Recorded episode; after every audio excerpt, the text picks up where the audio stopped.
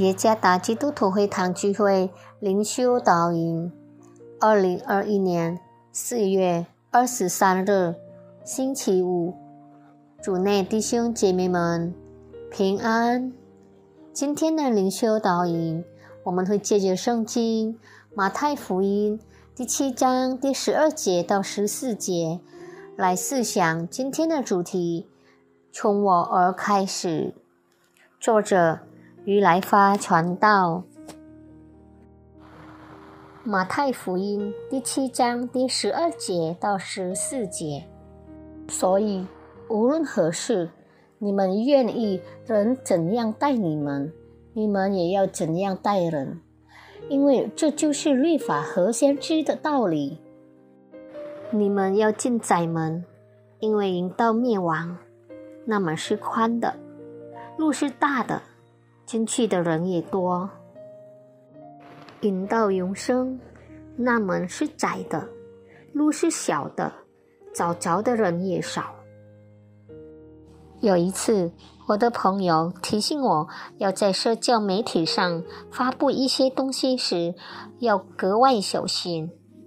他说道：“现代的人们很容易被冒犯，你会被告到警方去。”其实，我们从小受教要互相尊重。尊重意味着宽容，接受他人的意见，不侵犯人权。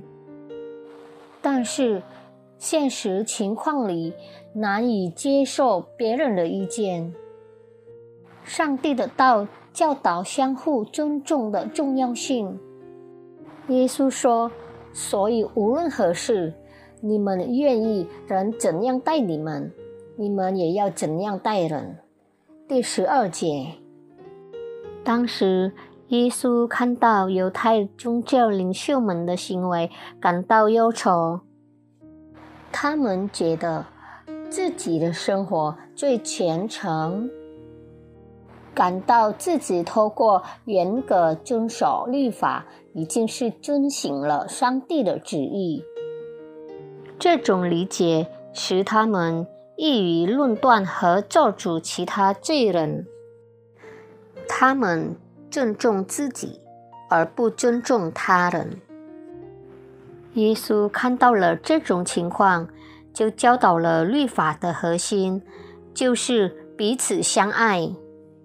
爱耶和华你的上帝，《生命记》第六章第五节；爱人如己，《立位记》第十九章第十八节。爱是建立相互尊重的基础，从自己去爱别人开始，不需要等待别人先来爱与尊重。我们透过克服自私。并积极的，而不是被动的行动。在耶稣时代，有两条通往城市的道路。第一条是宽阔的主要门路或荣誉门路，这条道路是给城市官员和重要人物经过的。第二条是给那些带货物。和努力的人经过的窄小的门路，第十三节。当然，每个人的梦想都在第一条道路上。耶稣选择了哪一条道路呢？他选择第二条道路。耶稣选择一条透过死在十字架上为我们赎罪。却被认为卑微的道路，这是上帝爱世人的证据。他主动去爱和尊重他人。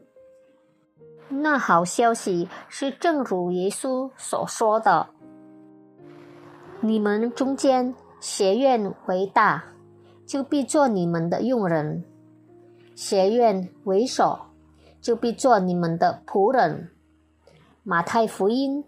第二十章二十六节到二十八节，是否我们已准备好成为仆人，先去爱和尊重别人。学院为最大，必先为最小。愿上帝赐福大家。